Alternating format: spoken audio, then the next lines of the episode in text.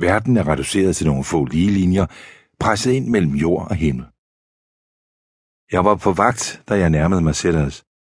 Hvordan kan det være, at i barndommen havde alt nyt, som fangede min interesse, en aura af mystik, eftersom det ifølge alle autoriteter forholder sig sådan, at det mystiske ikke er noget nyt, men noget kendt, som vender tilbage i en anden form. Et genfærd. Der er så mange spørgsmål. Det er ikke til at svare på, og dette er da det mindste. Da jeg kom nærmere, hørte jeg en regelmæssig rusten, vinende lyd. En dreng på min egen alder hang hen over den grønne låge. Hans arme hang slap ned fra den øverste tværstang, og med den ene fod skubbede han sig langsomt frem og tilbage i en kvart cirkel hen over gruset. Han havde det samme bleggule hår som kvinden i bilen, og mandens umiskendelige himmelblå øjne. Mens jeg langsomt gik forbi, og måske var jeg ovenikøbet stanset op, eller måske snarere gået i stå, stak han tåen på sin sejlersko ned i gruset for at stanse den svingende låge, og så på mig med et udtryk af fjendtlig nysgerrighed.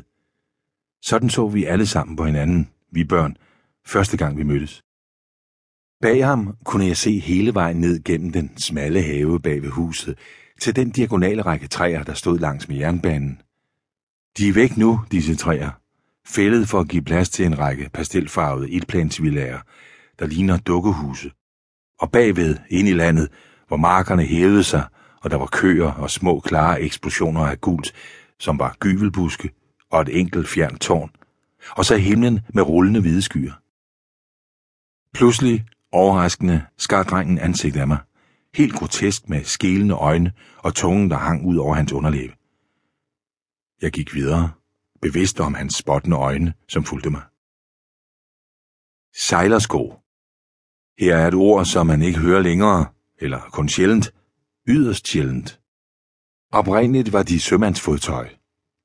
Jeg forbandt dem med plimsollere. Det havde noget at gøre med en eller andens navn, hvis jeg husker rigtigt, og et eller andet med skibe. Obersten er gået på toilettet igen. Problemer med prostata, vil jeg ved på. Når han går forbi min dør, dæmper han sine trin, knirker sig forbi på tæerne i respekt for den efterladte. Han er en, der holder på formerne, vores prægtige oberst. Jeg går ned ad Station Road. Der var så meget af livet, der var stillhed dengang, da vi var børn, eller sådan virker det i hvert fald nu. En afventende stillhed, en vaksomhed. Vi forholdt os afventende i vores endnu uformede verden. Vi lod øjet glide hen over fremtiden, som drengen og jeg havde set på hinanden som soldater i felten, på udkig efter, hvad der ville vise sig. Ved foden af bakken stansede jeg og stod og så i tre retninger. Hen langs Strand Road og tilbage op langs Station Road. Og den anden vej hen mod biografen med bliktaget og de offentlige tennisbaner. Ingen at se. Vejen bag ved tennisbanerne blev kaldt Cliff Walk, selvom de klipper, der måske engang havde ligget der, for længst var eroderet bort af havet. Man sagde, at der lå en kirke begravet i sandbunden under havet, intakt med klokketårn og klokke, som engang havde ligget på et næs, der også var forsvundet, som var styrtet ned i det oprørte bølger en nat for længe siden med uvær og en forfærdelig oversvømmelse. Det var den slags historier, de lokale fortalte, som for eksempel mælkehandleren Dwagnen og den døve Kolfer, der tjente til dagen og vejen ved at sælge golfbolde, han havde fundet.